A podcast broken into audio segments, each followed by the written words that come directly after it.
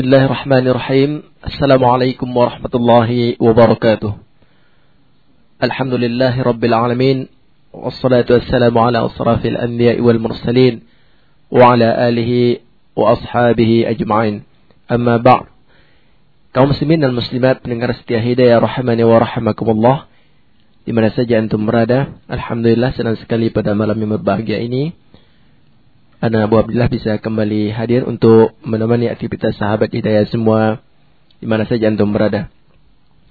Kaum muslimin dan muslimah rahimani wa rahmakumullah. Pada malam yang berbahagia ini insyaallah taala ya, kita akan menyuguhkan buat kaum muslimin dan muslimat pendengar setia hidayah ini kajian ilmiah Islam yang kita siarkan secara langsung dari kota Madinah Nabawiyah. Yang mana insyaAllah ta'ala pada malam yang berbahagia ini akan disampaikan oleh Al-Ustaz Aspri Rahmat Az-Za'i. Aspri Rahmat Az-Za'i. Ini di mana dengan tema atau judul kajian kita pada malam hari ini yaitu fungsi harta bagi kehidupan seorang muslim bagian satu kaum muslimin dan muslimah rahmani wa rahmakumullah.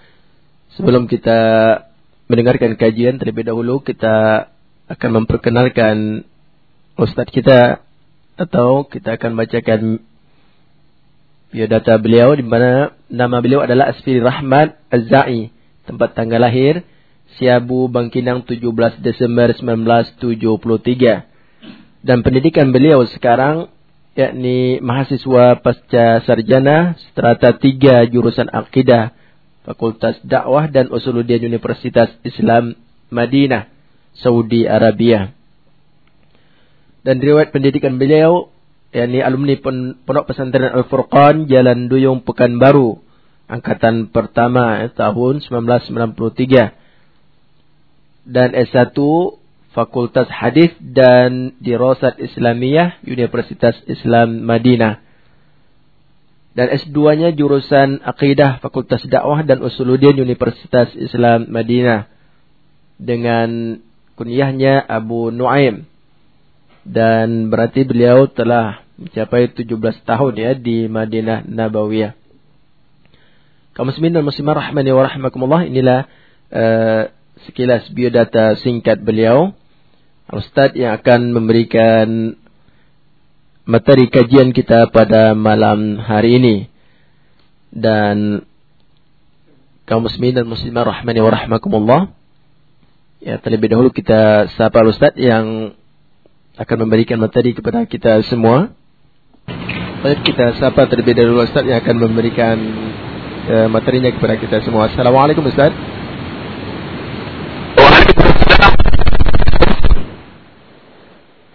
نعم كيف حالك أستاذ؟ Alhamdulillah bi khairin alhamdulillah. Uh, Baik Ustaz, kita akan ya kami di sini ya di Indonesia umumnya dan di Pekanbaru khususnya Ustaz ya telah siap-siap untuk mendengarkan kajian dari Ustaz ini nampaknya. Ya kita mulai Ustaz ya. Ya, baik, ya silakan. Ya, baik, kaum muslimin dan muslimah rahimani wa rahimakumullah. Untuk memanfaatkan waktu yang ada mari sama-sama kita mendengarkan dan mengikuti kajian yang akan disampaikan oleh Al-Ustaz kita selanjutnya.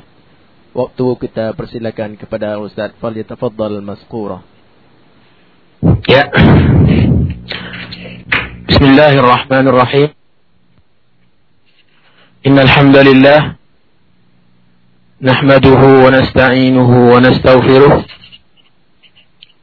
wa na'udzu billahi min shururi anfusina وسيئات أعمالنا من يهده الله فلا مضل له ومن يضلل فلا هادي له وأشهد أن لا إله إلا الله وحده لا شريك له وأشهد أن محمدا عبده ورسوله صلى الله عليه وعلى آله وأصحابه ومن تبعهم بإحسان إلى يوم الدين. أما بعد الحمد لله taala kita pada malam hari ini dapat hadir bersama dalam majlis ta'lim lewat uh, radio Hidayah FM ini Semoga Allah Subhanahu wa taala menjadikan usaha kita usaha yang penuh berkah dan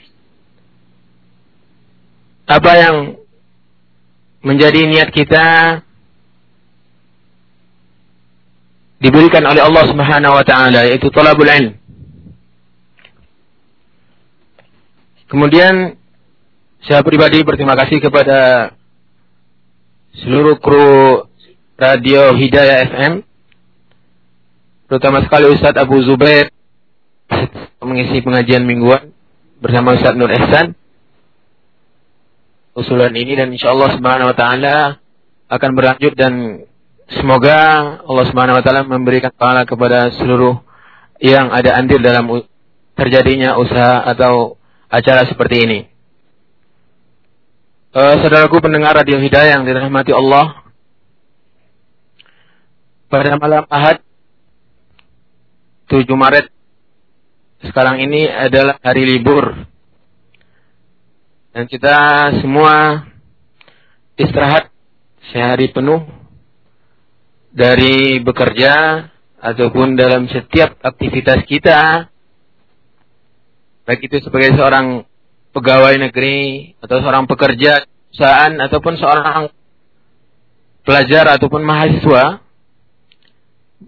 hari ini sampai malam ini kita alhamdulillah dalam keadaan istirahat penuh.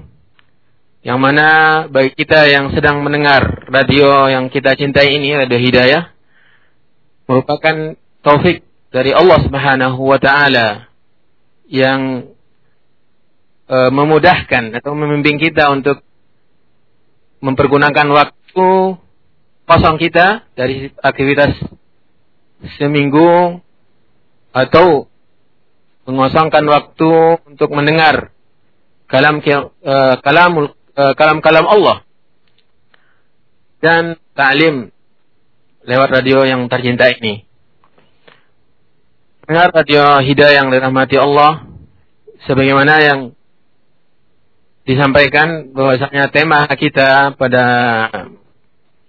malam hari ini adalah fungsi harta dalam kehidupan seorang muslim bagian satu. Uh, uh, saudaraku yang dirahmati Allah,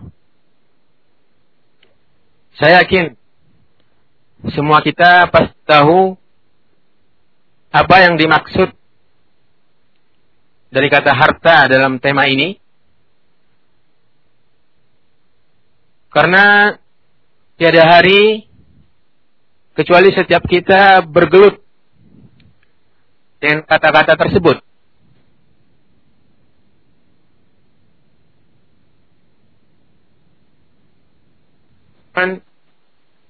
Kendaraan, sawah ladang, kebun sawit, binatang ternak, hewan piaraan, juga perkebunan, perusahaan, perumahan, dan perkantoran, dan lain-lain. Yang semua itu adalah kandungan dari kata harta. Setiap hari, mulai dari terbit matahari misalnya, bahkan juga sebelum terbitnya matahari, bumi ini seakan-akan menggeliat dari tidurnya. Tersentak dari istirahatnya,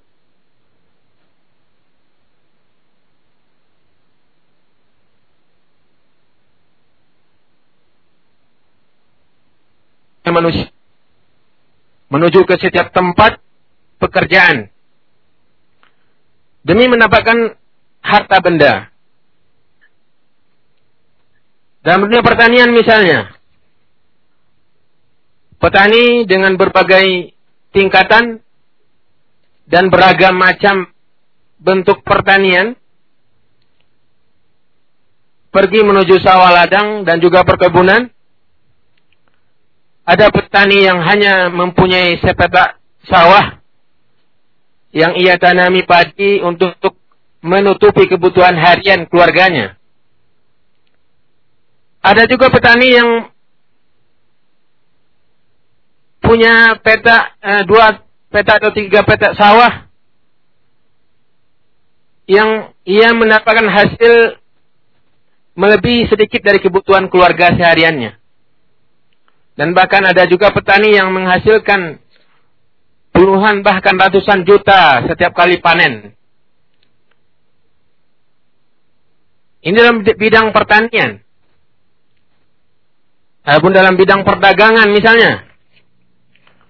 Pedagang pada setiap harinya dengan berbagai bentuk perdagangan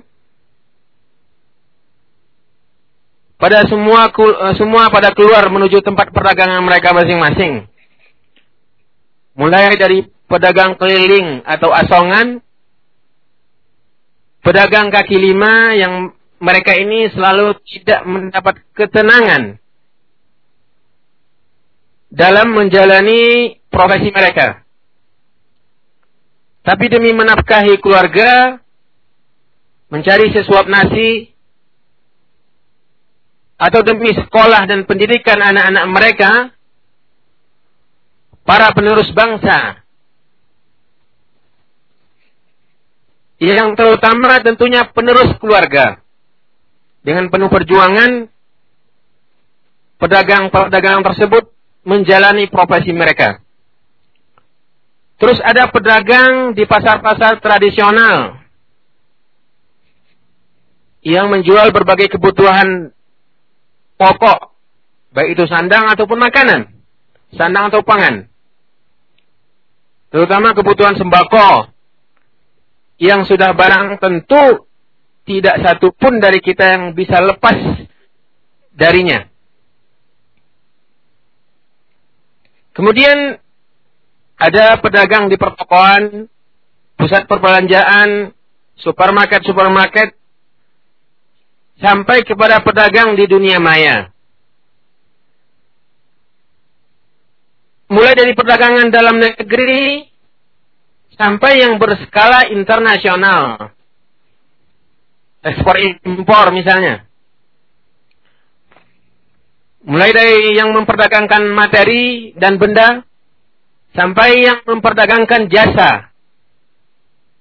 Ada yang memperdagangkan apa hal-hal atau barang-barang yang halal yang memberi manfaat kepada manusia. Ada pula yang memperjualbelikan barang-barang haram. Ekstasi misalnya, heroin, miras, minuman keras, rokok, yang mana merusak kesehatan penghisapnya. Dan juga kaset-kaset video, CD-CD porno, yang merusak moral dan akhlak manusia. Dan banyak lagi bentuk perdagangan. Bahkan ada pula yang berani memperdagangkan diri dan kehormatan. Komersial misalnya. Demi mendapatkan sebuah harta, mendapatkan uang, mengumpulkan harta benda. Sampai-sampai ada yang sanggup menjual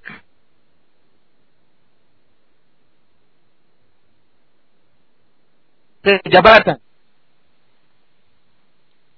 Ada lagi orang yang dengan kekuasaan dan jabatannya merampas hak orang lain dan memperdagangkannya. Tanah misalnya. Dengan kekuasaan yang ada atau jabatan dia, dibuatnya surat tanah baru atau dengan cara yang lain dan memperdagangkan harta milik orang lain. Bahkan ada oknum-oknum yang berani menjual aset negara untuk mengumpulkan harta sebanyak-banyaknya. Ini dalam bentuk dalam segi perdagangan. Kehidupan kita keseharian seperti itu. Juga dalam dunia nelayan. Sang nelayan pagi-pagi sudah menyiapkan perahunya untuk melaut alat alat untuk mencari ikan, menyiapkan perahu untuk melaut pada hari tersebut. Dari mulai nelayan yang mulai dari tingkat rendah sampai nelayan tingkat tinggi. Dari nelayan yang penghasilannya cukup untuk menutupi kebutuhan sehari sampai nelayan yang mendapatkan ratusan ton ikan per hari. Bahkan ada nelayan yang hanya pergi nelayan harian. Pergi pagi, pulang petang. Ada pula yang mingguan dan bahkan ada yang bulanan. Ada yang berskala nasional, bahkan ada yang internasional. Ini bentuk usaha untuk mengumpulkan harta. Juga dalam dunia perkantoran misalnya. Pekerja kantor, keluar rumah menuju kantor masing-masing. Setiap harinya dengan berbagai tingkat dan beragam bentuk serta jenisnya, mulai dari perkantoran di instansi-instansi pemerintah sampai perkantoran milik swasta. Ada yang bersifat public service, melayani publik. Ada pula yang hanya bergelut dengan komputer, mengurus perdagangan atau usaha-usaha tertentu. Ini dalam dunia perkantoran kehidupan kita sehari-hari. Dalam dunia perhubungan dan transportasi serta angkutan. Sama saja halnya. Mulai pagi bermacam-macam alat transportasi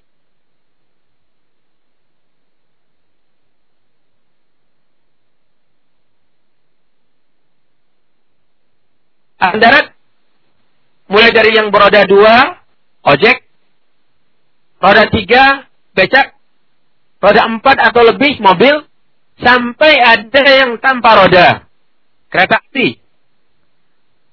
Ada pula bentuk angkutan laut. Begitu juga halnya seperti angkutan darat, bermacam-macam. Ada yang bertingkatannya ekonomi, dan ada juga yang eksekutif. Sama halnya dengan angkutan udara. Ini dalam dunia perhubungan. Kehidupan kita sehari-hari dijalani seperti yang saya sampaikan itu. Dalam dunia pendidikan. Para guru, dosen, kepala sekolah, rektor, berbagai macam bentuk dan tipe orang setiap paginya setelah terbit matahari berangkat menuju tempat tugas mereka masing-masing, mereka masing-masing untuk mengajar anak didik dan mahasiswa. Mulai dari guru dari tingkat dasar atau prasekolah, TK, playgroup dan lain-lain sampai kepada tingkat perguruan tinggi.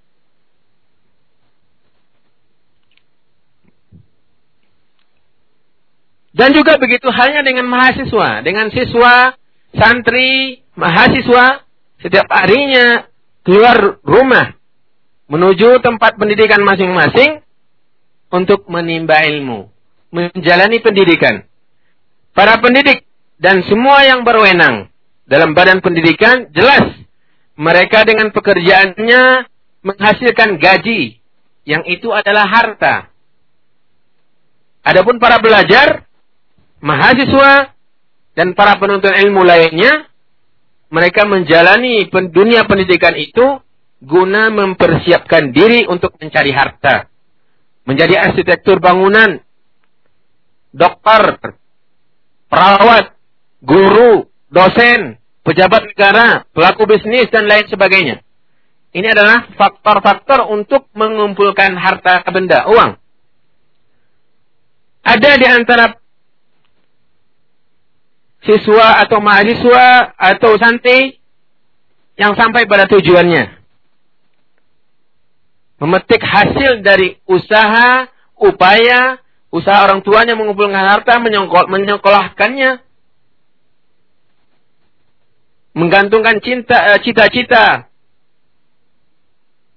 Setinggi-tingginya dijalan, dijalani dengan penuh usaha dan ketekunan sehingga dia dapat mencapai cita-citanya menjadi seorang dokter, jadi seorang pengusaha dan lain sebagainya.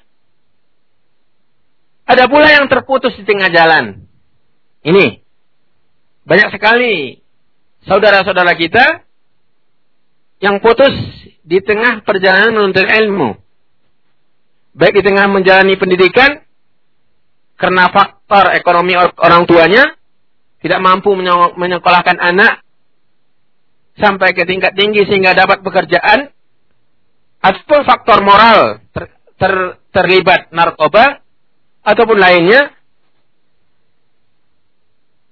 ada pula yang sempat menyelesaikan pendidikan tinggi akan tetapi tidak mendapatkan lowongan pekerjaan yang cocok atau yang sesuai dengan tingkat pendidikan Akhirnya ia memilih menjadi pengangguran. Ini bentuk dunia pendidikan yang sekarang kita lihat di dunia kenyataan. Saudaraku pendengar radio Hidayah yang dirahmati Allah.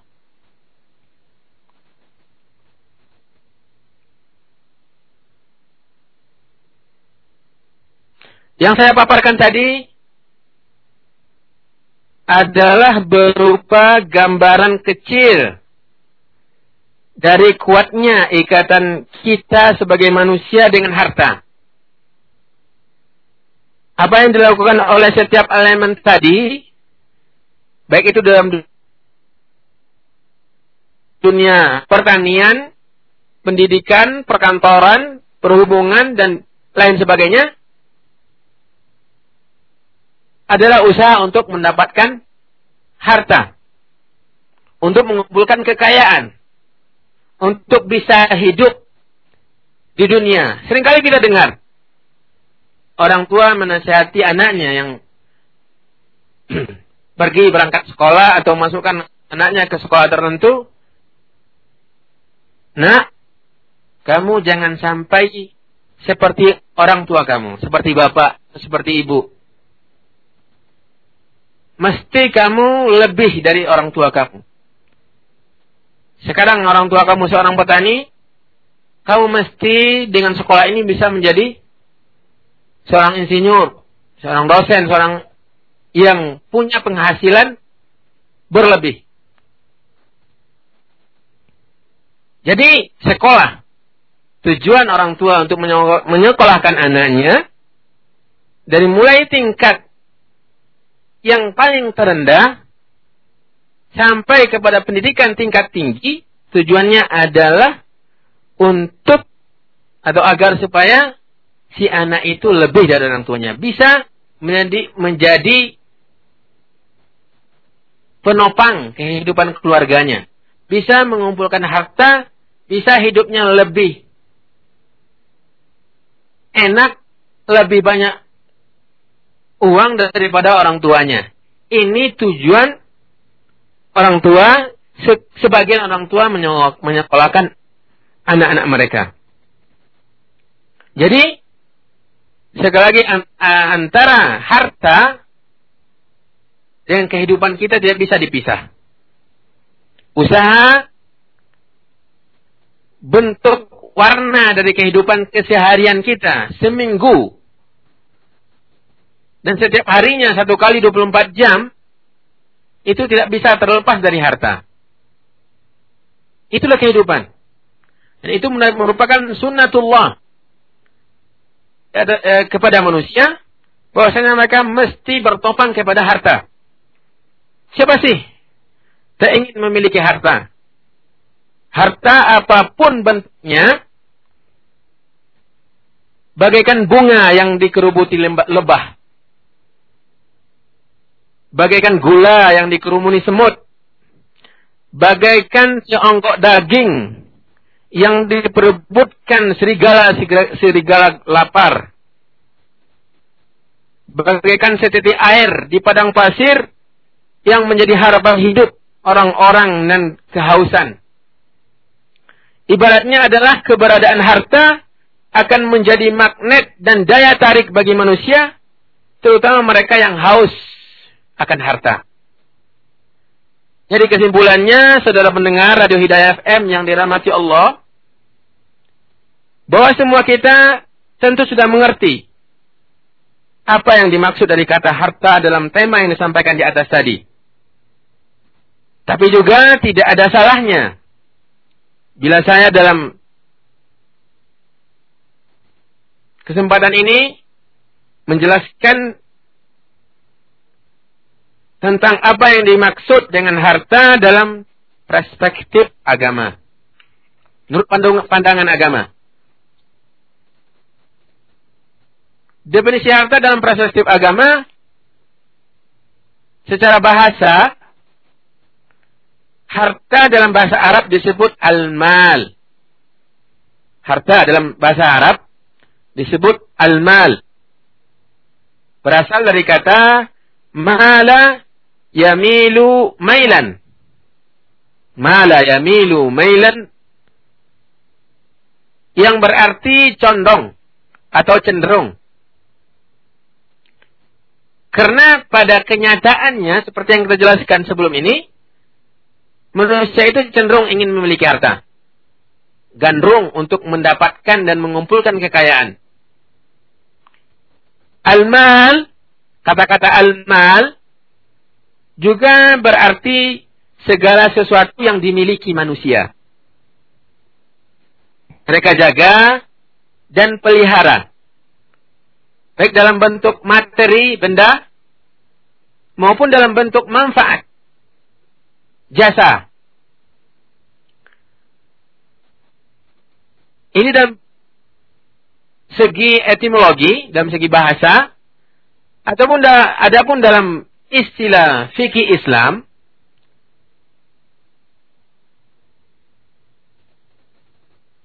para fuqaha berbeda sudut pandang mereka dalam mendefinisikan kata-kata mal atau al-mal tersebut. Jumhurul fuqaha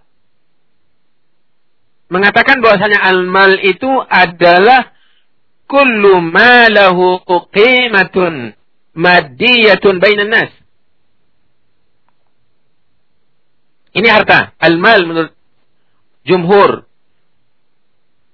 Artinya segala sesuatu yang mempunyai nilai material dan juga memberi manfaat dalam kehidupan manusia. Ini definisi harta menurut jumhur fuqaha. Jadi setiap apa yang dimiliki oleh manusia yang mempunyai nilai manfaat dan menutupi kebutuhan hidup manusia tersebut, baik itu berbentuk materi maupun manfaat, banyak atau sedikit, namanya almal atau harta. Seperti emas, perak, binatang ternak, sawah ladang, jabatan, kedudukan, dan semisalnya. Ini definisi harta dalam e, perspektif agama. Saudaraku pendengar radio Hidayah FM yang dimuliakan Allah. Itu penilaian agama tentang harta. Dan kita semua seperti yang saya jelaskan di mukaddimah tadi, dengan melihat kembali kehidupan kita sehari-hari dalam berbagai bentuk dan bidang, memahami hakikat dari harta itu. Apa bentuk dari harta tersebut? Bagaimana kecenderungan kita sebagai manusia untuk mengumpulkan dan menumpuk-numpuk harta. Makanya dalam Al-Quran Allah subhanahu wa ta'ala menjelaskan dalam bentuk pencelaan. Dalam surat Al-Humazah, surat Al-Humazah juz 30, Allah berfirman, "Wailun likulli humazatin lumazah alladhi jama'a malan wa. Ini kata Allah Subhanahu wa taala. Celakalah setiap pengumpat lagi pencela. Siapa mereka? Siapakah yang mengumpat? Yang selalu mengumpat dan selalu mencela? Yaitu orang-orang yang mengumpulkan harta dan menghitung-hitungnya. Kerjanya hanya mengumpulkan harta, tentunya mengumpulkan itu dihitung-hitung. Udah banyak apa belum? Udah bisa untuk tujuh keturunan atau tidak? Ini dalam bentuk pencelaan dan orang yang kerjanya, yang hidupnya mengumpulkan harta dan menghitung-hitung hartanya tidak akan terlepas dari sifat pengumpat dan dari sifat pencela. Mencela orang yang tidak punya harta, mengumpat kalau seandainya dia lebih sedikit yang ia dapati dari orang yang orang lain, ini pengumpul-pengumpul harta. Jadi saudaraku, pendengar Radio Hidayah FM yang dirahmati Allah, harta memang tidak bisa dipisahkan dari kehidupan seorang manusia. Kehidupan tidak akan berlanjut kalau harta, kalau tanpa harta. Karena harta adalah salah satu, salah satu penopang kehidupan manusia. Seperti yang kita jelaskan tadi. Ia diciptakan oleh Allah Subhanahu wa taala sebagai bukti pemuliaan Allah terhadap anak cucu Adam. Salah satu tanda Allah Subhanahu wa taala memuliakan anak cucu Adam. Sebagaimana dalam firman Allah dalam surat Al-Isra ayat 70. Ini perlu kita kita baca dan kita dalami ayat ini. Bahwasanya manusia itu benar-benar dimuliakan oleh Allah Subhanahu wa taala dari makhluk-makhluk Allah yang lain jenis manusia, yaitu anak cucu Adam, dimuliakan oleh Allah Subhanahu wa taala dari makhluk-makhluk yang lain, hewan, tumbuhan dan lain sebagainya. Apa kata Allah dalam Al-Qur'an dalam surat Al-Isra ayat 70 ini? Walaqad karramna bani Adam wa hamalnahum fil barri wal bahri wa razaqnahum minat tayyibat. Ini dengar. Wa razaqnahum minat tayyibat. Wa faddalnahum ala kathirin mimman khalaqna tafdila. Allah subhanahu wa ta'ala. Allahu Akbar. Maha Allah yang telah memuliakan manusia, jenis makhluknya manusia. Bahkan ciptaannya juga disempurnakan oleh Allah Subhanahu wa taala. Laqad khalaqnal insana fi ahsani taqwim.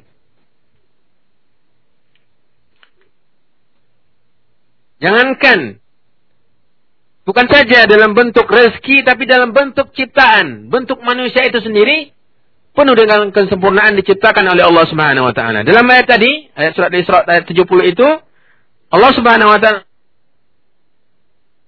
bentuk pemuliaan manusia yang diciptakan oleh Allah Subhanahu wa taala dari makhluk-makhluk yang lain.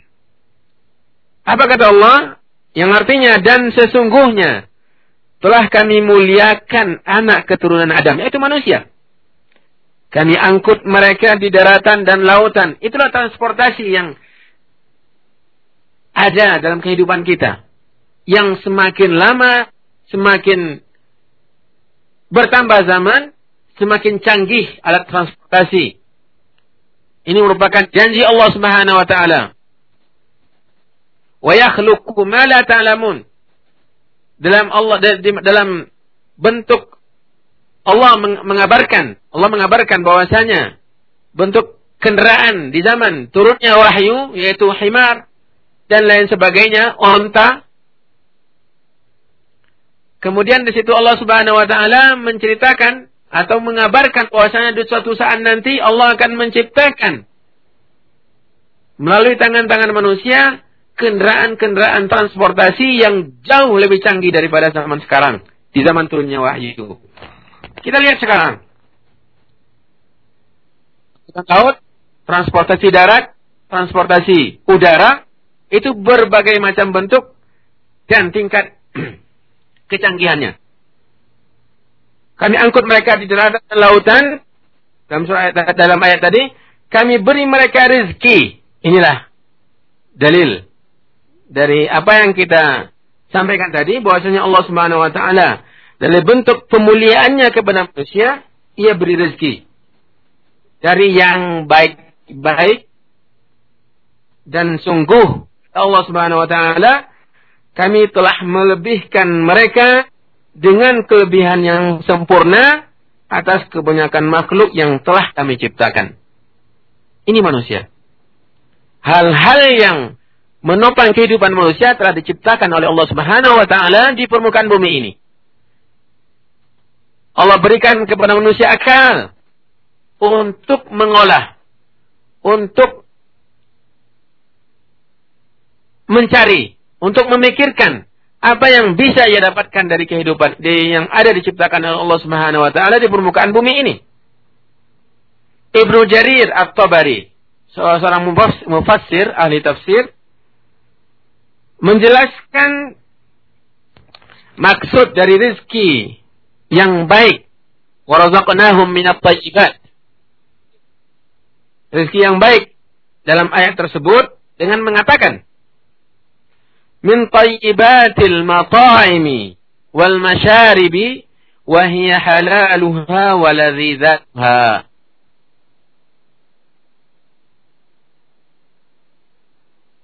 Teman 501. Kata beliau, yang maksud daripada tayyibatun warazaqnahum minat tayyibat yaitu rezeki yang berupa makanan dan minuman yang halal lagi lezat. Jadi perhakikatnya umat akhir zaman ini manusia yang hidup di akhir zaman itu umat Rasulullah SAW baik itu umat dakwah umat yang mesti mendapatkan dakwah atau ummatul ijabah atau ataupun umat yang telah memenuhi panggilan dakwah Rasulullah SAW itu umat Islam. Pada hakikatnya mereka sama dalam mencari atau membutuhkan hal-hal yang tayyibat, yang halal. Karena yang halal itu adalah yang baik, yang tidak merusak, yang tidak mempunyai dampak-dampak negatif dalam kesehatan dalam kehidupan manusia. Ini kata Ibnu Jarir dan Tabari. Adapun Ibnu Katsir, seorang mufassir juga yang hidup jauh uh, setelah Ibnu Jarir Tabari mengatakan dan bahkan mencontohkan apa yang lezat apa yang tayyibat, yang baik dalam rezeki yang diberikan oleh Allah Subhanahu wa taala kepada manusia itu kata beliau rezeki yang baik itu berupa beraneka ragam tanaman. Kita lihat dalam kehidupan kita berbagai macam tanaman yang bisa dikonsumsi oleh manusia. Yang lezat-lezat, yang segar, berbagai bentuk tanaman. Buah-buahan, daging, susu serta berbagai berbagai macam makanan yang enak dimakan dan serta lezat, kata beliau. Sebagaimana Allah juga melimpahkan rezeki berupa pemandangan indah. Jadi pemandangan indah, panorama-panorama, itu hutan-hutan yang hijau, dan lain sebagainya, itu merupakan nikmat rezeki yang diberikan oleh Allah Subhanahu wa taala kepada manusia yang indah dipandang mata. Karena pada suatu saat nanti manusia akan membutuhkan. Dan itu jelas dilakukan dan memang itu kebutuhan biologis kita, kebutuhan jiwa kita kepada hal-hal yang menenangkan pikiran. Pakaian mewah termasuk juga taibat yang sekarang berbagai macam bentuk pakaian yang dibuat dihasilkan oleh akal manusia yang diberikan oleh Allah Subhanahu wa taala.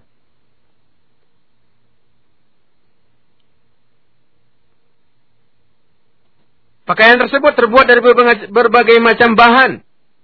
Baik itu sutera, sutera dari benang biasa dan lain sebagainya.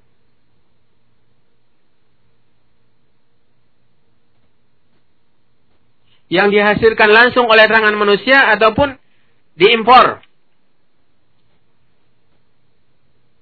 dari negara-negara lain. Pendengar radio radio Hidayah FM Pekanbaru yang dirahmati Allah itu perkataan Ibnu Katsir.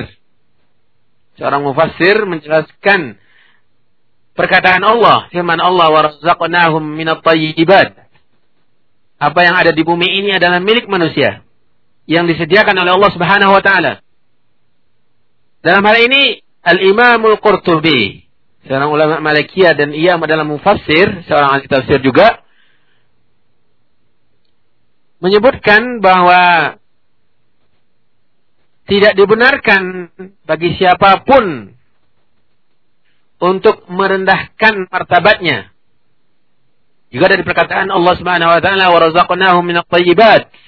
Kami beri rezeki mereka dari hal-hal yang thayyibat. Yang halal, yang lezat, yang baik, tidak merusak. Kata beliau, tidak benar seorang manusia itu merendahkan diri, menentahkan martabatnya. Yaitu dengan meninggalkan makanan yang layak dimakan oleh manusia. Dan menggantikannya dengan makanan binatang. Makanan-makanan yang biasa dimakan oleh manusia minat tayyibat sekarang ini memang sudah terbalik. Mungkin karena sudah terlalu banyak makanan, atau mungkin manusia ingin mencoba hal-hal yang tidak pernah dimakan oleh manusia, diusahakan untuk dimakan. Binatang-binatang yang menjijikan, yang tidak ada pernah dimakan oleh orang dari manusia ataupun yang lainnya di, sudah dikonsumsi oleh orang sekarang ini.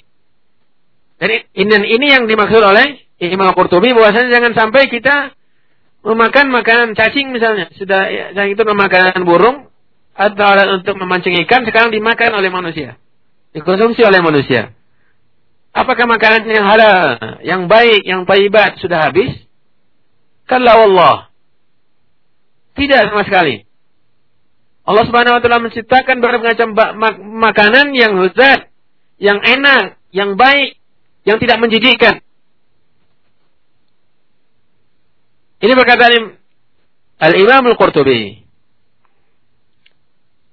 Para pendengar, saudaraku yang dirahmati Allah Subhanahu wa taala. Jadi, apa yang ada di dunia ini, di permukaan bumi ini diciptakan oleh Allah Subhanahu wa taala untuk menumpang kehidup, menopang kehidupan manusia. Diciptakan untuk manusia. Allah berfirman dalam surat Al-Baqarah ayat 29, "Huwa alladhi khalaqakum huwa alladhi khalaqa lakum ma fil ardi jami'a." Allah lah Dialah yang menciptakan untuk kamu segala yang ada di permukaan bumi. Jadi yang ada di permukaan bumi ini diciptakan oleh Allah Subhanahu wa taala sebagai fasilitas untuk berlanjutnya kehidupan manusia sampai masa akan berakhirnya oleh Allah Subhanahu wa taala. Tetap uh, ditetapkan oleh Allah Subhanahu wa taala kapan berakhirnya dunia sampai sampai ke sana semua yang ada di bumi diciptakan oleh Allah Subhanahu wa taala untuk kelanjutan kehidupan manusia. Saudaraku pendengar Radio Hidayah FM di mana pun Anda berada, juga dalam ayat lain Allah Subhanahu wa taala menjelaskan dalam surat Ali Imran ayat 14 Allah berfirman Zuyina nas dijadikan indah pada pandangan manusia. Indah pada pandangan manusia. Setiap manusia tertarik untuk melihatnya, untuk memegangnya, untuk memilikinya. Apa itu? hubbus syahawati minan nisa'i wal banina wal qanatiri al muqantarati min al-dhahabi wal fiddah wal khailil musawwamati wal an'ami wal harth Lihat ini apa kata Allah. Zalika mata'ul hayatid dunya wallahu indahu husnul ma'ab.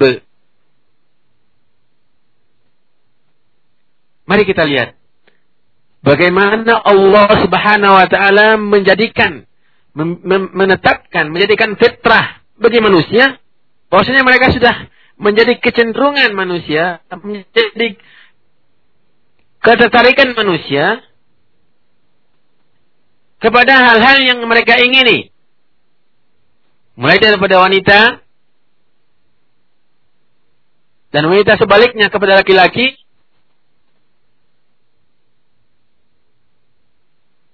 kecenderungan laki-laki kepada wanita itu merupakan fitrah dan sunnatullah. Begitu juga kecenderungan dan kecintaan mereka kepada anak keturunan mereka. Wal qanatiril muqantarah. Dan harta yang banyak. Dari jenis emas, perak, kuda pilihan, wal an'ami wal hars dan binatang-binatang ternak serta sawah ladang. Semua itu siapa yang tidak ingin memilikinya? Sekarang orang sudah memiliki perkebunan sawit berhektar-hektar. Ratusan bahkan ribuan hektar. Sudah memiliki pertanian coklat misalnya, sudah berpuluhan hektar. Ini adalah dan punya peternakan kerbau, kambing dan lain sebagainya yang jumlahnya ribuan, bah, ratusan bahkan ribuan ekor, itu sudah menjadi fitrah manusia ingin mengumpulkan hal tersebut sebanyak-banyaknya dan indah pada pandangan manusia. Tapi apa kata Allah di akhir ayat ini? Zalika mata'ul hayatid dunya. Itulah kesenangan hidup di dunia. Kita yang punya harta berlimpah, punya istri empat, punya lagi istri simpanan, punya anak keturunan yang banyak dari istri-istri yang banyak, punya emas, punya perak dan lain sebagainya, hanya sebatas kehidupan di dunia. Kelezatan, kenikmatan yang kita rasakan itu hanya sampai hanya sebatas kehidupan dunia. Dan betapa banyak orang-orang kaya, orang-orang yang bertumpuk hartanya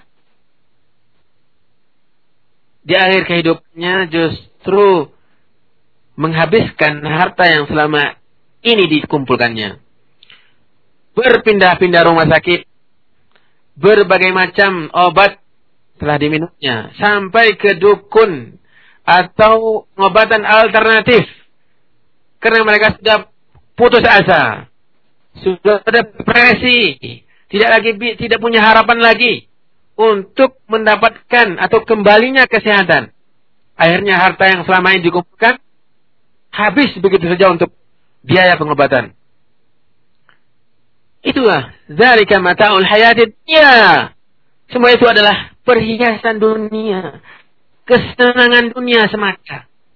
Kalau tujuan kita hanya untuk mengumpulkan harta, hanya sebatas Jangankan kepada selama hidup kita. Mungkin di masa muda kita sudah dihinggapi atau sudah mengidap penyakit yang Allah Subhanahu wa taala menetapkannya kepada untuk kita selama hidup kita. Apa gunanya harta? Apa gunanya jabatan? Apa gunanya emas? Apa gunanya wanita-wanita simpanan? Apa gunanya pekerjaan yang muluk? pengerjaan di tempat-tempat yang subur mendapatkan berbagai macam sogokan. Kalau seandainya Allah Subhanahu wa taala akan mengazab kita, eh, memberikan kepada kita penyakit di mana kita tidak bisa menikmati harta tersebut. untuk sisa-sisa hidup kita. Itulah kesenangan hidup di dunia, wahai manusia. Coba lihat lagi apa yang kata Allah setelah ayat ini. Dan di sisi Allah tempat kembali yang baik. Jadi kenikmatan yang hakiki. Kenikmatan yang sebenarnya adalah kenikmatan yang disediakan oleh Allah Subhanahu wa taala di dalam surga. Dan kita sebagai orang harta, seorang hartawan, kita sebagai orang pengusaha, kita sebagai seorang yang punya harta berlimpah, bisa mendapatkan surga melewati harta kita tersebut. Para pendengar radio Hidayah FM di mana pun Anda berada. Jadi harta bagaikan pisau bermata dua. Bagaikan keris bermata dua. Harta dapat dipakai untuk membangun, memperbaiki, memperindah, membuat semarak, menggembirakan, mengakrabkan dan banyak hal yang sifatnya positif. Sebaliknya, harta juga bisa merusak, bisa merobohkan, menyengsarakan, memutuskan silaturahim, memutuskan hubungan kekerabatan, menyebabkan pertempuran, menyebabkan pembunuhan, fitnah dan keburukan lainnya. Ini yang terjadi di masyarakat.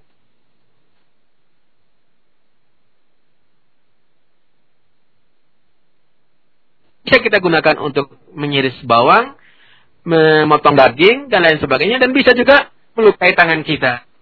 Itulah harta. Mengetahui hakikat harta bagi seorang manusia secara umum, terutama kaum muslimin secara khusus.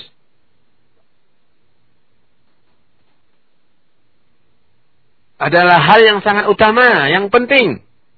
Sebab, tanpa memahaminya, manusia justru akan diperbudak oleh harta. Harta yang seharusnya menjaga diri manusia, justru membuat manusia tidak bisa tidur dan hidup tenang. Karena harus menjaga hartanya. Maka perlunya satpam, perlunya bodyguard, perlunya uh, tempat-tempat penyimpanan harta dan lain sebagainya. Sehingga setiap waktunya si pemilik harta tidak pernah tenang karena takut hartanya lenyap. Baik itu di rampok, dicuri oleh maling, ataupun kebakaran dan lain sebagainya.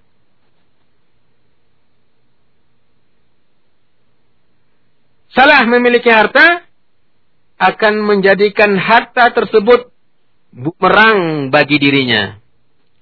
Pendengar radio radio Hidayah maaf, radio Hidayah yang dirahmati Allah. Uh, saya sendiri bisa melihat, sering melihat hubungan family, hubungan keluarga kakak beradik yang pada awalnya penuh dengan kasih sayang, penuh dengan kecintaan, penuh dengan penghormatan. Namun setelah masuk unsur kerakusan, unsur ketamakan dalam mengumpulkan harta, maka di sanalah seorang kakak membunuh adiknya. Seorang ayah meracuni anaknya. Seorang anak menurhakai orang tuanya. Ini faktor harta. Sudah haus terhadap harta. Kalau diibaratkan Harta ibaratnya kuda liar. Kuda liar yang sering kali dijadikan oleh para koboi untuk jadikan perlombaan untuk bisa yang dikenal dengan radio, radio untuk dijinakkan kuda liar tersebut jika gagal mengendalikannya maka penunggangnya akan jatuh dan terinjak-injak oleh kuda tersebut karena dia melompat setelah dinaiki dan melompat melompat terus Masih untung. Kalau tidak luka atau mati. Bagi yang lihai. Dalam mengendalikan kuda yang kita ibaratkan harta itu. Maka sebentar sebentar saja ia akan tergoncang. Tapi selanjutnya kuda tersebut dapat dikendalikannya ke arah mana tujuan sang penunggang. Ini ibarat harta. Harta ibarat kuda liar. Pendengar radio Hidayah FM yang dirahmati Allah di mana pun Anda berada. Budget bagi seorang muslim yang mungkin tidak akan terlepas dari harta jika hidupnya ingin selamat untuk mengetahui hakikat harta yang kita ceritakan tadi. Bagaimana fungsi dan kedudukannya dalam agama? Bagaimana agama mengatur cara memperolehnya secara benar? Diatur oleh agama. Dan bahkan di akhirat nanti sebelum kita memulai langkah pertama di akhirat di padang masyar, kita akan ditanya tentang harta di mana, dari mana kita dapatkan. Apa dengan secara yang halal, dengan cara yang benar, juga Islam mengatur. Dan kita mesti mengetahui bagaimana mengelola dan membelanjakan harta tersebut sesuai dengan aturan agama. Kalau tidak, hidup seorang muslim yang tidak mengetahui hakikat harta, bagaimana mendapatkannya dengan cara yang benar, bagaimana mengelola dan menginfakkannya, memakainya dengan cara yang diatur oleh agama, kelak akan sengsara. Kalau tidak di dunia, mesti di akhirat nanti. Hadirin, pendengar radio Hidayah FM yang dimuliakan Allah. Sekarang kita memasuki hal apa pembicaraan selanjutnya yaitu Al-Qur'an bicara harta. Al-Qur'an berbicara soal harta. Karena kalau tinggal sedikit untuk mempersingkatnya, kita akan menukilkan beberapa ayat. Bagaimana Al-Quran memposisikan harta. Islam sebagai ajaran yang menjelaskan segala sesuatu yang mana tidak satu sendi pun dari sendi-sendi kehidupan manusia kecuali telah diatur oleh agama Islam. Maka Al-Quran sebagai sumber utama agama Islam telah banyak berbicara seputar harta. Bercerita tentang hartawan-hartawan dahulu kala.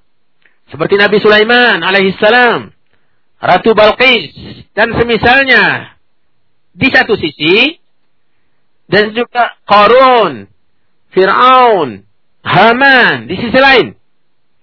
Al-Quran juga berkisah tentang orang-orang yang berjaya dunia akhirat karena harta mereka. Dan juga sebaliknya mengisahkan tentang orang-orang yang sengsara dan mendapat malapetaka, azab disebabkan harta dan kekayaan mereka. Menuturkan bagaimana pandangan sebagian umat dahulu tentang harta. Nah, mari kita lihat bagaimana Al-Quran berbicara tentang harta. Pertama, Al-Quran menyatakan bahwa harta adalah perhiasan kehidupan kehidupan dunia. Yang dijelaskan dalam surat Al-Kahfi ayat 46. Al-malu wal banuna zinatul hayatid dunya wal baqiyatus salihatu khairun inda rabbika thawaban wa khairun amala. Al-Quran bercerita bahwasanya harta adalah perhiasan dunia. Tidak bisa kita bawa ke, ke akhirat. Tidak bisa kita kumpulkan dalam kuburan yang yang yang luasnya hanya 2 meter kali 2 meter atau ataupun kurang. Tidak bisa kita tumpukan, kita tidak bisa kita bawa ke dalam kubur. Maka harta dan anak keturunan adalah perhiasan dunia sebatas dunia saja. Bentuknya, materinya. Punya emas berlimpah, punya pena, punya harta binatang ternak, itu hanya sebatas kehidupan dunia. Tidak bisa kita bawa ke alam barzakh, apalagi alam akhirat. Ini yang pertama. Yang keterangan banyak tapi kita singkat saja. Yang kedua Al-Quran menetapkan bahwa harta pada hakikatnya adalah cobaan. Tadi tadi perhiasan dunia, sekarang harta itu hakikatnya adalah cobaan dari Allah. Ujian dari Allah Subhanahu wa taala. Apa kata Allah dalam Al-Qur'an? Dalam surah Al-Anfal ayat 20 ayat 28. Wa'lamu annama amwalukum wa auladukum fitnah wa anna Allah 'indahu ajrun 'azim. Dan ketahuilah, ingatlah bahwa hartamu dan anak-anakmu itu hanyalah sebagai cobaan. Hanyalah sebagai cobaan, sebagai ujian. Dan sesungguhnya di sisi Allah lah balasan yang sangat besar. Balasan dari bagaimana kamu mendapatkan harta tersebut, bagaimana kamu menginfakkan, menafkahkan harta tersebut, balasannya di sisi Allah sangat besar. Baik itu balasan dosa mau balasan pahala. Pendengar Radio Hidayah FM yang dalam rahmati Allah di mana pun Anda berada. Juga Al-Quran, keterangan ini panjang tapi kita simpulkan saja. Al-Quran juga menceritakan pandangan Bani Israel tentang harta. Yaitu bahwa harta menurut mereka adalah ukuran, adalah barometer hormatan dan kemuliaan. Orang yang punya harta banyak ada orang yang banyak eh, yang mulia. Orang yang seorang pemimpin adalah orang yang punya yang berhak menjadi seorang pemimpin adalah orang yang hartanya melimpah, hartawan. Allah ceritakan tentang umat Bani Israel dalam surah Al-Baqarah ayat 247 وقال لهم نبيهم إن الله قد بعث لكم طالوت ملكا. قالوا أن يكون له الملك علينا ونحن أحق بالملك منه. ولم يؤت سعة من المال. قال إن الله اصطفاه عليكم وزاده بسطة في العلم والجسم. والله يؤتي ملكه من يشاء. والله واسع عليم. Ini kata Allah. Menceritakan bagaimana pandangan Bani Israel yang selalu kufur, ingkar kepada para nabi. Bani Israel yang pembunuh-pembunuh para nabi. Bani Israel yang menghina dan menjelekkan Allah Subhanahu wa taala. Bani Israel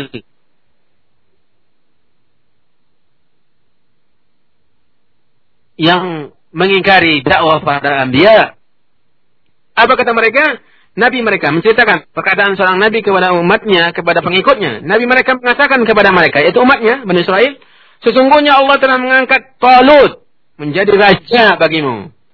Mereka menjawab, Bagaimana Talut meminta kami? Padahal kami lebih berhak mengendalikan pemerintahan daripadanya. Sedang dia pun tidak diberi kekayaan yang banyak. Ini kata mereka. Jadi seorang pemimpin, seorang penguasa, menurut pandangan Bani Israel, adalah orang yang punya harta melimpah. Orang yang kaya raya. Ini pandangan mereka bahwasanya harta adalah patokan ukuran dari kemuliaan dan kehormatan. Nabi mereka langsung menjawab, membantah. Sungguhnya Allah telah memilihnya, yaitu Talut, menjadi rajamu dan meng menganugerahinya ilmu yang luas dan tubuh yang perkasa. Allah memberikan pemerintahan kepada siapa yang dikehendakinya dan Allah maha luas pemberiannya lagi maha mengetahui. Ini pandangan Bani Israel. Pandangan orang-orang kelompok atau suku yang selalu kufur terhadap para nabi. Al-Quran juga menceritakan bahwa biasanya para hartawan yang sombong dan zalim sangat berkuasa untuk menyesatkan orang lain dengan harta mereka. Ini terjadi. Jangan kita lihat di zaman sekarang. Di zaman sekarang mungkin kita lihat di mana-mana pasti terjadi. Dan ini contoh dalam Al-Quran. Bagaimana orang-orang yang zalim, orang-orang yang punya harta, orang-orang yang orang-orang hartawan itu dengan hartanya bisa menyesatkan orang lain, menggiring orang kepada kemauan mereka, pada keyakinan mereka. Seperti halnya yang terjadi pada Firaun di zaman Nabi Musa alaihissalam. Apa kata Nabi Musa? وقال موسى ربنا إنك آتيت فرعون وملأه زينة وأموالا زينة وأموالا في الحياة الدنيا ربنا ليضلوا عن سبيلك ربنا أطمس على أموالهم واسدد على قلوبهم فلا يؤمنوا حتى يروا العذاب الأليم Ini doa Nabi Musa. Nabi Musa melihat bahwasanya salah satu faktor bagi Fir'aun selain kekuasaannya menyesatkan orang lain dengan hartanya. Musa berkata, "Ya Tuhan kami, sesungguhnya Engkau telah memberi kepada Firaun dan pemuka-pemuka kaumnya perhiasan dan harta kekayaan dalam kehidupan dunia. Akibatnya mereka menyesatkan manusia dari jalan Engkau, ya Allah. Ya Tuhan kami, binasakanlah harta benda mereka dan kunci matilah hati mereka maka mereka tidak beriman hingga mereka melihat siksaan yang pedih ini banyak terjadi bagaimana dengan harta orang bisa menyesatkan bisa membawa bisa mengarahkan orang kepada kesesatan. Pendengar radio radio hidayah maaf radio hidayah yang dirahmati Allah di mana pun Anda berada, kemudian lakukan menjelaskan juga menjelaskan bahwa harta secara mutlak tidak berkuasa, tidak punya, tidak bisa untuk menyelamatkan pemiliknya. Tidak bisa memberikan keselamatan. Tidak bisa memberikan kejayaan di akhirat. Ini ayat-ayat banyak sekali menceritakan hal ini. Dalam sebuah ayat. Dalam surat Al-Lail ayat 11. Allah berfirman. وما يغني عنه ماله إذا تردى Allah menceritakan tentang orang kafir dan hartanya tidak bermanfaat baginya apabila ia telah binasa. Orang-orang kafir, hartawan-hartawan Gates itu kalau dia tidak mukmin, orang terkaya di dunia tidak akan bisa menyelamatkan dirinya kalau dia tidak beriman, tidak menggunakan harta untuk, untuk apa yang diirdai oleh Allah Subhanahu wa taala. Apa bagi kita? Yang harta masih punya satu mobil, yang punya masih yang masih punya satu rumah, yang masih punya satu istri. Bill Gates, orang terkaya di dunia. Tidak bisa menyelamatkan dia hartanya tersebut kalau dia tidak beriman kepada Allah Subhanahu wa taala. Ini kata Allah, Wa ma yughni anhu maluhu idza taradda. Dan hartanya tidak bermanfaat baginya apabila ia telah binasa. Selamati. Kemudian Abu Lahab. Allah berfirman, "Ma aghna anhu maluhu wa ma kasab." Abu Lahab seorang hartawan Quraisy, seorang pemuka Quraisy yang punya harta banyak, harta melimpah. Kata Allah, tidaklah berfaedah kepadanya harta Baik. Uh, pendengar radio Roja, radio Hidayah Afwan, radio Hidayah FM yang dirahmati Allah. Banyak lagi ayat-ayat menceritakan bahwa kepada kita bahwasanya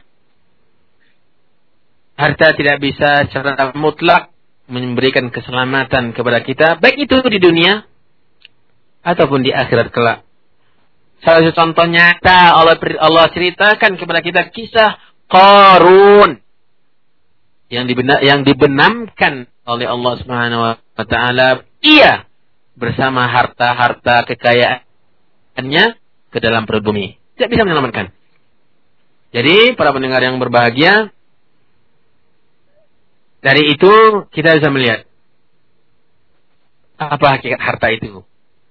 Dan insya Allah Subhanahu wa taala pada kesempatan-kesempatan berikut kita akan serinci menjelaskan bagaimana kita seorang muslim menggunakan harta, bagaimana dampak harta yang halal dalam kehidupan seorang muslim, bagaimana seorang muslim yang punya harta halal untuk menginfakkan, bagaimana menafkahkannya dalam kehidupan sehari-hari.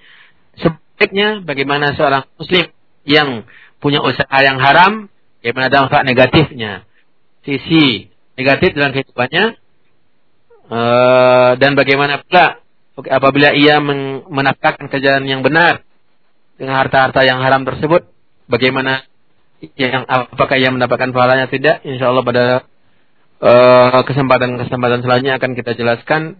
Itu saja mudah-mudahan ada manfaatnya. Wassallallahu wasallam ala Muhammadin wa ala alihi wa sahbihi ajma'in. Wassalamualaikum warahmatullahi wabarakatuh. Baik kaum muslimin dan muslimat rahimani wa rahimakumullah. Demikian tadi materi kajian yang telah disampaikan oleh Ustaz mudah-mudahan bermanfaat bagi kita semua. Pada sesi yang kedua ini sebagaimana biasa ya kami mengundang sahabat hidayah kaum muslimin dan muslimat untuk berinteraktif ya atau bertanya langsung dan kepada Ustaz dan pertanyaan kita kita fokuskan pada seputar materi pada malam hari ini. Baik, kita terima penelpon yang perdana pada malam hari ini. Assalamualaikum. Waalaikumsalam warahmatullahi wabarakatuh. Iya, bisa dikecilkan sedikit Pak volumenya Pak, biar Ya dengan siapa Pak? Di mana? Dengan siapa Pak? Di mana? Assalamualaikum. Waalaikumsalam warahmatullahi wabarakatuh. Dengan siapa Pak? Di mana? Uh, Nasir Faisal Pak. Faisal. Nah, Tengah. Iya, silakan Pak. Saya menanyakan ini tentang harta juga. Betul, sapa dulu Ustaz yang di Medina. Assalamualaikum warahmatullahi wabarakatuh. Waalaikumsalam warahmatullahi wabarakatuh. Pak Faisal. Yang ingin saya tanyakan Ustaz, uh, saya kan pedagang harian. Jadi tadi saya dengar sebagian ada rokok betul termasuk yang diharamkan. Saya mau nanya Ustaz lebih menguatkan hati saya dalil-dalil tentang rokok diharamkan. Katanya sebagian lain mengatakan itu aku Ustaz. Saya sudah berlulus satu tahun setengah dalam usaha harian. Saya berniat ingin uh, berjalan di di halus jemaah ini karena bergabung di Hidayah sudah dua bulan ini mendengar saya kalau memang dan itu haram, saya ingin berniat untuk menghentikan jual rokok dan sekaligus menghentikan rokok. Nah, terus Ustaz, kalau memang sudah haram, berarti selama ini oh, harta kami sudah bercampur dengan haram. Bagaimana cara membersihkan Ustaz? Cuma itu aja Ustaz untuk sementara. Terima kasih atas jawabannya. Assalamualaikum warahmatullahi wabarakatuh. Waalaikumsalam warahmatullahi wabarakatuh. Ya, Langsung dijawab uh, ya, Abu Abdullah. Ya, tafadhal Ustaz. Ya. Uh, uh, pertama sekali saya ucapkan Waalaikumsalam warahmatullahi wabarakatuh kepada Pak Faisal dari Tangkarang Tengah. Uh, saya ada rasa bahagia, rasa terharu, rasa penuh uh, ketenangan dan kelapangan jiwa meliputi dada saya san mendengar pertanyaan Bapak. Sebelum, sebelumnya saya berdoa semoga Allah Subhanahu wa taala memberikan kelapangan hidup, eh, kelapangan rezeki kepada Bapak Faisal eh, yang berprofesi sebagai pedagang eh, dan eh, menunjukkan cara yang baik dan halal dalam mencari rezeki dalam bentuk perdagangan tersebut uh, apa yang Bapak rasakan itu adalah uh, petunjuk dari Allah Subhanahu wa taala. Dan ini adalah satu hal yang sangat sangat spesial untuk Bapak dari dari untuk Bapak Faisal dari Allah Subhanahu wa taala. Bagaimana ada usaha ada uh, upaya dalam jauh dari dalam hati Bapak untuk mencari hal-hal yang benar yang diridhai oleh Allah Subhanahu wa taala. Ini adalah petunjuk jadi saya berdoa semoga Allah Subhanahu wa taala memberikan melapangkan rezeki Bapak uh, dan memudahkan uh, cara untuk mempelajari agama untuk selanjutnya. Terutama dalam mendengar radio kita tercinta ini adalah radio Hidayah FM. Sebenarnya pertanyaan Bapak tentang masalah rokok. Ini sudah diperbincangkan oleh para ulama dengan berbagai alasan dan dalil argumentasi dari Al-Quran yang mereka uh, simbolkan dan juga dari sunnah berbagai macam hadis yang sahih dari dari sunnah Rasulullah SAW tentang uh, kesimpulan istimbal mereka bahwasanya rokok itu adalah haram. Bukan berarti kalau kita minta dalil kita melihat uh, menginginkan bahwasanya ada nas secara tekstual bahwasanya dalam Al-Qur'an ataupun sunnah mengatakan uh, rokok kalau bahasa Arabnya dukhan misalnya kan atau sijarah uh, bahwasanya dukhan itu adalah haram kalau itu yang kita inginkan memang tidak ada. Dan begitu dalam hukum-hukum fikih yang diistimbat, disimpulkan oleh para ulama, merupakan kesimpulan dari kaidah kaidah agama. Seperti dalam uh, dalam kaidah yang sangat penting dalam agama adalah menjaga jiwa. Menjaga jiwa termasuk uh, ad-daruriyatul khams adalah pokok-pokok terpenting dalam lima yang terpenting dalam agama tentunya menjaga uh, jiwa, menjaga keselamatan kita. Jadi ini uh, para ulama menjelaskan bahasanya melihat dari rokok itu sendiri uh, dari hasil penelitian para tim atau dokter ahli dari bidangnya, para dokter yang melihat kandungan nikotin dalam rokok itu merusak kesehatan dan banyak terjadi Eh, hal-hal uh, yang merusak kesehatan penyakit-penyakit uh, dalam sekitar paru-paru dan lain sebagainya yang dihasilkan dan bahkan ada hmm, penghitungan dari tim uh, di Saudi Arabia ya itu 13.000 orang per hari itu mati karena merokok. Uh, tergantung benar atau salahnya perhitungan tersebut yang jelas satu pun dokter di dunia ini yang mengatakan bahwa rokok tidak merusak kesehatan. Dan justru dalam iklan-iklan rokok di TV itu, kita lihat itu ada sudah menjadi pandangan umum secara global.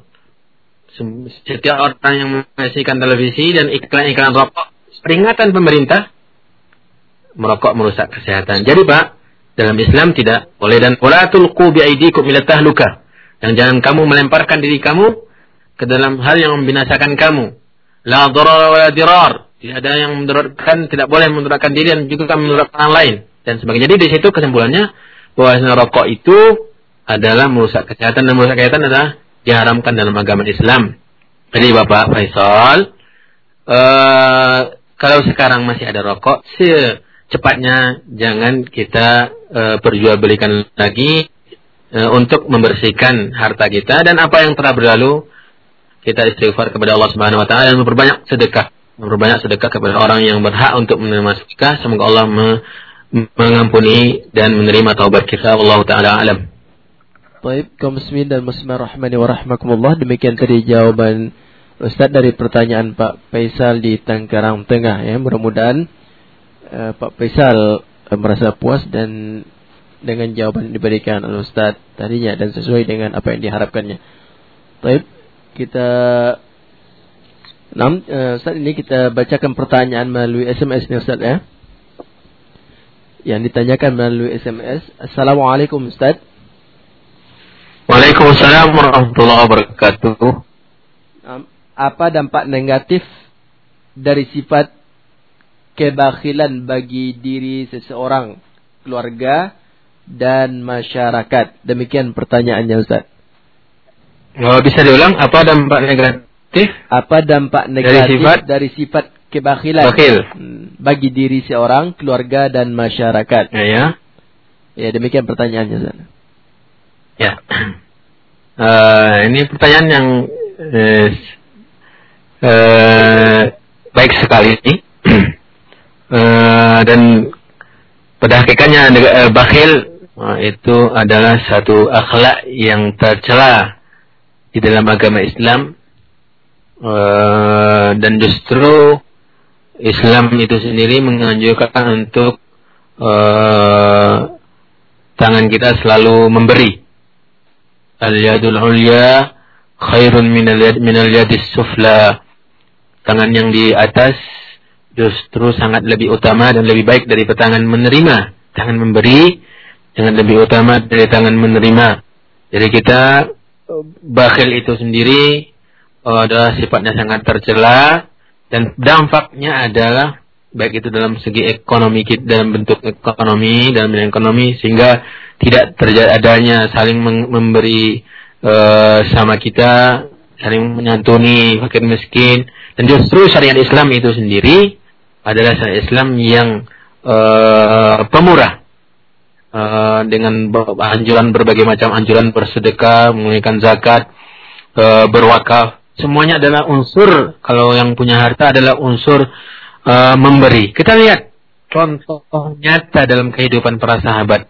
Tentu saja dalam pandangan kita sebagai manusia, sebagai uh, rakyat Indonesia, khususnya sebagai masyarakat, kita dengan pandangan kita saja sudah melihat bahwa dampaknya adalah kita uh, hubungan kita dengan orang yang bahagia uh, tidak terlalu erat dan orang bahagia itu dengan orang lain juga terlalu uh, tidak terlalu erat jadi saling, saling kasih mengasihi juga tidak ada sebagaimana anjur oleh kami Islam. Jadi dampak dalam kemasyarakatan orang yang bakhil tentunya orang yang selalu eksklusif e, menyendiri takut mengumbar-ngumbarkan hartanya padahal e, mana kosot sodakotun min mal kata Rasulullah SAW.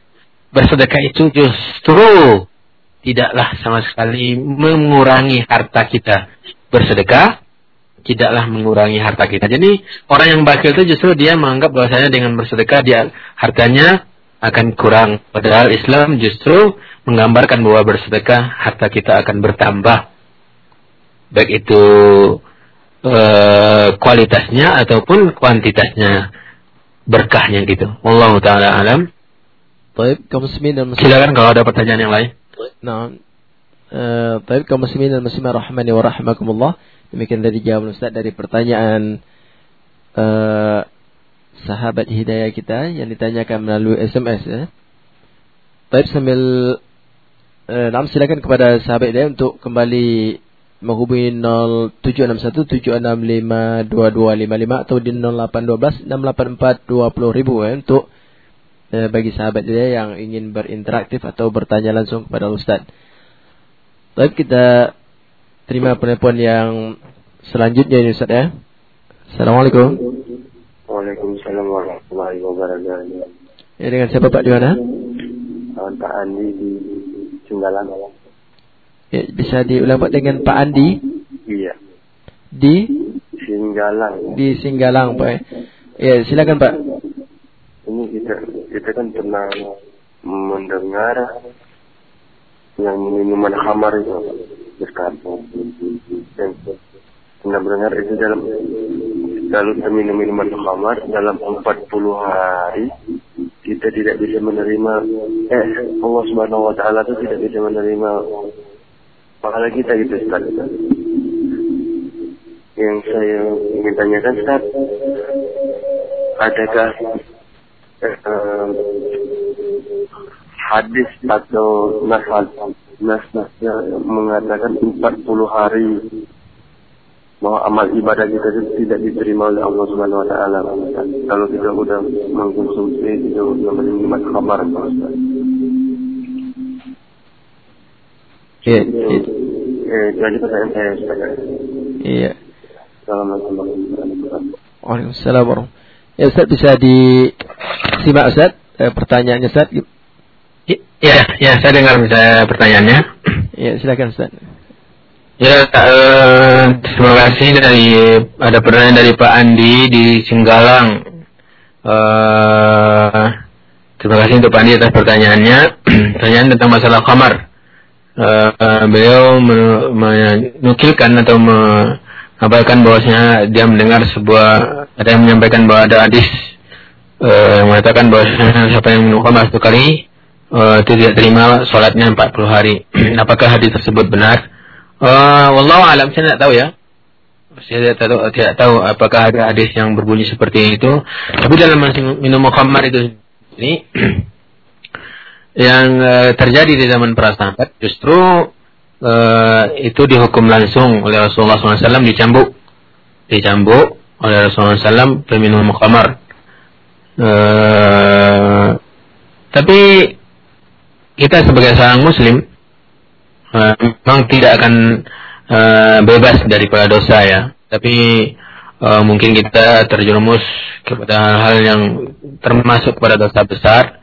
Makanya Rasulullah Allah Subhanahu wa taala menyediakan fasilitas sebagai kita orang yang bertobat, mengaturkan watubu ilallahi jami'an ayyuhal mu'minun dan bertobatlah kalian semuanya kepada orang-orang yang beriman. Jadi di sini dipanggil adalah orang-orang yang beriman, mungkin saja orang-orang yang beriman terjerumus masuk, terjerumus melakukan dosa besar, maka tentunya kita bertobat kepada Allah Subhanahu wa taala. Apakah hukumnya uh, tidak diterima salat 40 hari? Tidak saya tidak tahu dalilnya. Hadis yang berbunyi seperti itu. Kan tapi hukum secara uh, had secara hukum langsung dilakukan yang dieksekusi oleh pemerintah itu praktek Rasulullah SAW langsung dicambuk orang yang minum khamar. Uh, adapun uh, kehidupan dunia eh, di akhirat sebagaimana dalam hadis saya tidak tahu tapi kita sebagai Muslim tentunya bertobat kepada Allah Subhanahu wa taala meninggalkan perbuatan tersebut menyesali uh, perbuatan yang telah kita lakukan dan berazam untuk tidak kembali lagi untuk melakukan perbuatan tersebut itu syarat kita bertobat kepada Allah Subhanahu wa taala dan satu menjaga diri, mengingat Allah, memperbanyak zikir dan bersedekah kepada orang-orang yang berhak menerima sedekah. Wallahu a'lam. Baik, uh, demikian kaum muslimin dan muslimat rahimani wa rahimakumullah. Jawaban Ustaz dari pertanyaan Pak Andi tadi mudah-mudahan dapat difahami. Baik, kita terima telepon yang selanjutnya. Assalamualaikum.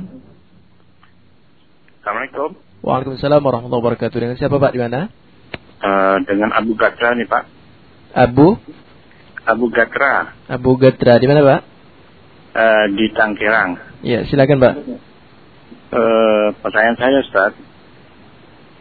Uh, apa batasannya uh, uh, tidak boleh bertahun dengan uh, bertulang uh, bertahun dengan kemaksiatan Ustaz di mana sebagai contoh seumpamanya begini Ustaz.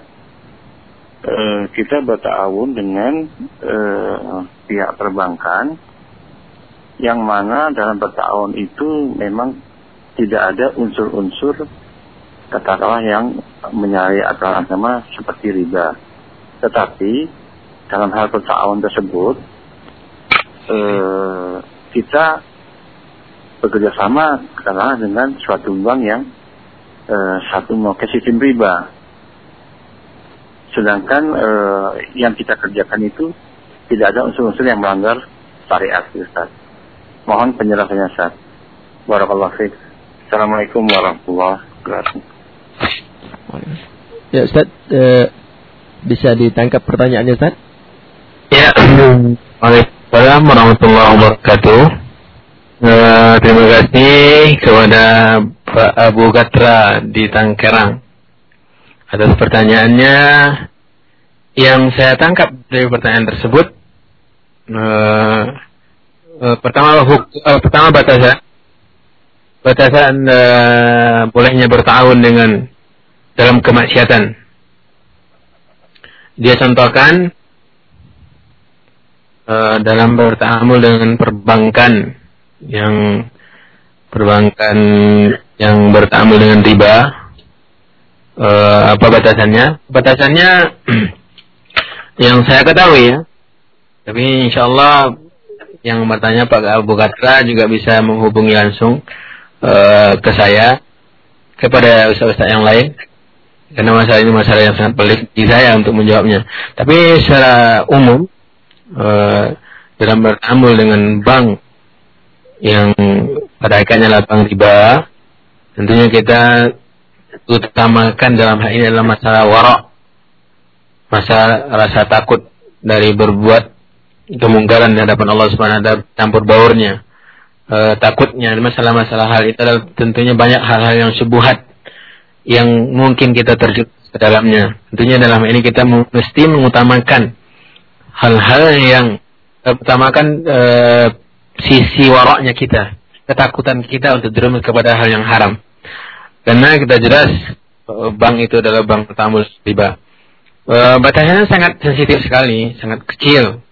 Uh, apakah uh, kita bertamu itu dalam batas kebutuhan uh, fatal, kebutuhan penting dari kebutuhan yang uh, sangat kita butuhkan, lalu kita bertamu riba atau hanya sebatas untuk uh, suatu usaha atau bisnis dan lain sebagainya. Ini mungkin Bapak Bapak uh, Bukatra mungkin bisa menanyakan langsung ke saya dan insya Allah kita bisa merujuk lagi pada para ulama tentang hal ini. Tapi itu jawaban saya untuk sementara bahwasanya kita mesti mendahulukan atau melebihkan warok kita takut terjerumus kepada hal-hal yang uh, tidak dari Allah SWT dalam masalah mencari harta karena itu pada ikatnya adalah urusan dunia yang sifatnya hanya sementara Mesti sebaiknya kita biarpun sedikit tapi jelas harta yang kita dapatkan daripada banyak ada subhat di dalamnya kan jauh lebih baik yang sedikit tersebut. Allah taala Allah taala alam. Demikian tadi jawaban Ustaz dari pertanyaan Pak Abu Gatra ya di Tangkerang. Mudah-mudahan uh, bisa difahami. Baik kita beralih ke pertanyaan melalui SMS Ustaz ya. Assalamualaikum Ustaz. Waalaikumsalam warahmatullahi wabarakatuh. Nam ayah saya seorang pegawai swasta. Namun ayah saya mencoba usaha lain yaitu menjual rokok herbal. Saya sudah beritahu pada ayah saya bahwa apa pun bentuk rokok tetap haram hukumnya. Namun ayah saya tidak mau.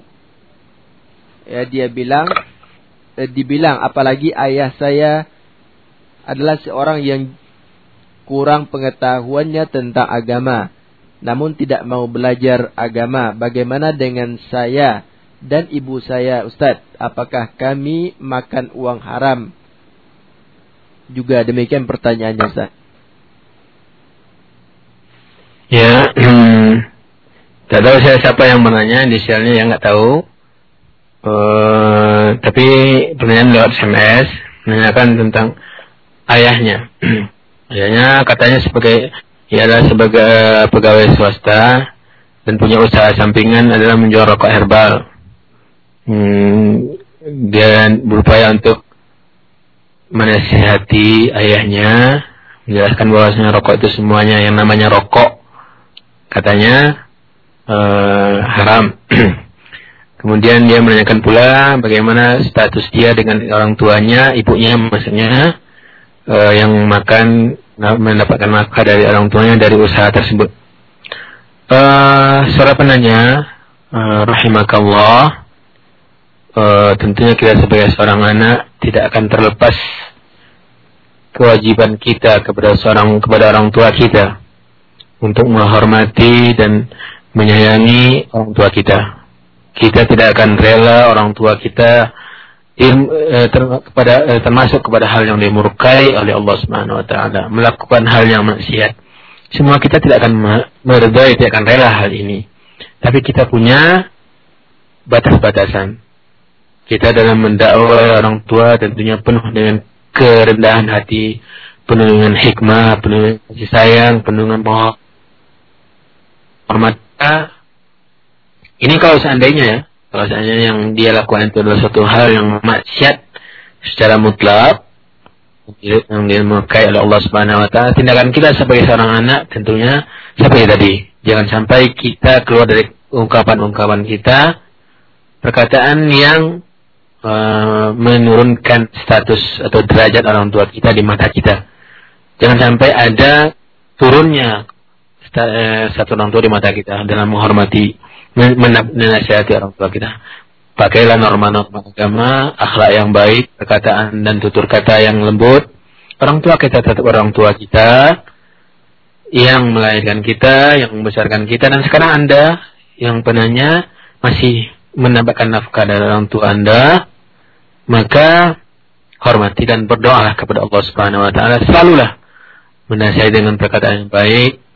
Apalagi Bapak Anda adalah sebagai eh, pegawai swasta, rokok herbal itu saya juga tidak tahu. Rokok herbal apakah rokok herbal yang dalamnya tidak punya nikotin tapi adalah bahan-bahan obat seperti obat-obatan herbal. Kalau begitu bentuknya tidak mengapa. Justru itu adalah obat yang dalam dibentuk sebagai rokok. Tapi kalau seandainya e, dalam campuran di dalam rokok tersebut ada masih nikotin yang merusak kesehatan sebagaimana yang dijelaskan oleh para dokter tenaga, tim ahli dalam masalah itu tenaga medis, e, maka rokok tetap saja hukumnya rokok, e, herbal, e, rokok herbal. Jadi e, sudah benarnya uh, status Anda juga masih uh, rokok rokok hebat masih statusnya tidak diper, belum dipertanyakan. Kemudian Anda tentu saja memakan dan menafkah, makan nafkah dari orang tua Anda karena itu masih dalam sebatas hal-hal yang tidak jelas. Jadi Anda berdoalah, berbuat baik kepada orang tua Anda, Uh, selalu berdoa dan nasihati terus berusaha nasihati kalau tidak bisa dengan cara tutur kata mungkin dengan menghadiahkan kitab kaset dan lain sebagainya saya berdoa semoga anda dan keluarga anda diberi petunjuk oleh Allah Subhanahu Wa Taala kepada jalan yang benar diberi nafkah yang halal dan dilapangkan di keluarga anda Allah Taala. Taib kaum muslimin dan muslimat rahimani wa rahmakumullah. Itu tadi jawaban Ustaz ya dari pertanyaan yang ditanyakan melalui SMS tadi. Baik, kita terima untuk satu penelpon lagi pada malam hari ini. Maaf, uh, saya ingin menambahkan atau meralat uh, jawaban saya tentang masalah khamar tadi ya, minum khamar. Saya ada masukan dari salah seorang ustaz uh, menukilkan sebuah hadis dari Rasulullah SAW yang diriwayatkan oleh Ibnu Majah dan disahihkan oleh Syekh Albani yang isinya begini. Uh, yang bunyinya man syaribal khamra wa sakara lahu salatu arba'ina sabahan wa in mata dakhala an-nar fa in taba taballahu alayhi wa in ada فشرب فسكر لم تقبل له صلاة أربعين صباحا. فإن مات دخل النار. فإن تاب تاب الله عليه. وإن عاد فشرب فسكر لم تقبل له صلاة أربعين صباحا. فإن مات دخل النار. فإن تاب تاب الله عليه. وإن عاد كان حقا على الله. an yusqiyahu min ratqatil khabal يوم qiyamah. Qalu ya Rasulullah wa ma ratqatul khabal? Qala ansaratu ahli nar. Hadis ini diriwayatkan oleh Ibnu Majah dan artinya jadi apa yang dinukilkan oleh Pak Andi tadi kalau saya nggak salah ya, Pak Andi yang menanyakan masalah ini ee, tentang masalah khamar tadi. Hadisnya seperti yang dinukilkan oleh seorang ustadz yang memasukkan yang ia kirimkan ke saya. Uh, hadisnya berbunyi bang siapa yang minum khamar kemudian dia mabuk maka ia diterima sholatnya selama 40 pagi artinya 40 hari di sini maksudnya. Wa in mata kalau dia mati mati sebelum bertobat maka ia masuk neraka. Ini ancaman dari Allah Subhanahu wa taala untuk pelakunya. Uh, fa in taba kalau dia tobat, taballahu alaihi maka Allah menerima tobatnya. Wa in ada kalau dia setelah itu balik mengulangi lagi minum khamar dan mabuk, maka ia tidak akan diterima salatnya 40 hari. Fa in mata dakhalan kalau dia mati sempat mati dalam seperti itu, maka dia masuk surga diancam oleh Allah Subhanahu wa taala surga. Fa in taba taballahu alaih. Maka kalau dia seandainya bertobat, maka Allah berterima tobatnya. Wa in ada, kemudian jika lagi dia mengulanginya, maka dan meminum dan mabuk lagi dan tidak terima sholatnya selama 40 hari. Begitu juga kalau dia sempat tidak bertobat, diancam neraka dan sempat bertobat diterima tobatnya oleh Allah Subhanahu wa taala. Dan keempat kalinya, wa in ada kana haqqan Allah. Kalau dia kembali lagi mengulanginya, maka Allah berhak untuk menyiraminya atau beri minumnya dari nanah radqatul khabal. Namanya radqatul khabal itu yaumul qiyamah. Para sahabat bertanya apakah radqatul khabal itu ya Rasulullah? Kata Rasulullah SAW, "Usaratu anin nar." adalah nana-nana yang uh, keluar dari tubuhnya uh, penghuni neraka. Itu ancaman bagi uh, peminum khamar. Jadi ini sudah sangat besar bagi kita ancaman Allah Rasulullah SAW dalam hadis ini bagaimana Rasulullah menggambarkan orang yang minum khamar dan mabuk dan pertama dia kalau dia sama hari terima salatnya kalau dia bertobat diterima tobatnya, kan kalau tempat dia bertobat dia ada ancaman masuk neraka. Kalau mengulangi selama empat kali dan keempat kalinya Allah uh, akan mengazabnya dengan minumkan nanah penghuni neraka ke dalam perutnya. Itu ancaman dari Rasulullah SAW terhadap uh, peminum khamar. Dan itu minum khamar adalah dosa besar. Dan kita bersindung kepada Allah Subhanahu wa taala menjaga akhlak kita, menjaga diri kita agar tidak terjerumus kepada dosa tersebut. Allahu alam. Dan terima terima kasih saya ucapkan kepada Ustadz yang telah mengirim memberi masukan kepada tentang masalah ini. Allah taala Baik, uh, demikian tadi uh, penjelasan Ustadz kita. Gimana Ustadz uh, masih bisa kita terima untuk satu penelpon lagi atau gimana? Silakan, silakan. Baik. Silakan. Ya, kita jawab telepon yang selanjutnya untuk satu penelpon. Ya, Assalamualaikum. Waalaikumsalam Ustaz. Dengan siapa Pak di mana? Ini dengan Pak Andi dari Andi Singgalang. Pak Andi tadi. Iya. Iya, silakan Pak. Kita tadi kan udah dikatakan tadi hadisnya itu cuman yang saya kurang dengar yang membuat Ibnu Majah itu berapa lagi itu Ustaz? Ya gimana Pak Andi bisa di Ha- hadisnya yang diri yang diriwayatkan oleh siapa tadi Ustaz? Maaf. eh, perawinya Pak ya? Ya. Ya. Ya, ya. Eh, hati- ya.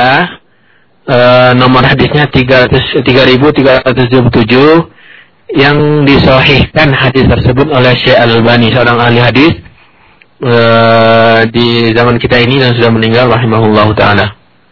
Hadis itu disahihkan oleh Syekh Al-Albani dalam Sahih Ibnu Majah. Ada kitabnya yang yang mengkhususkan hadis-hadis sahih dari kitab Ibnu Majah tersebut. Wallahu a'lam. Nah, eh, demikian tadi jawaban Ustaz ya dari pertanyaan Pak Andi ya yang kembali eh, bergabung. Baik, eh,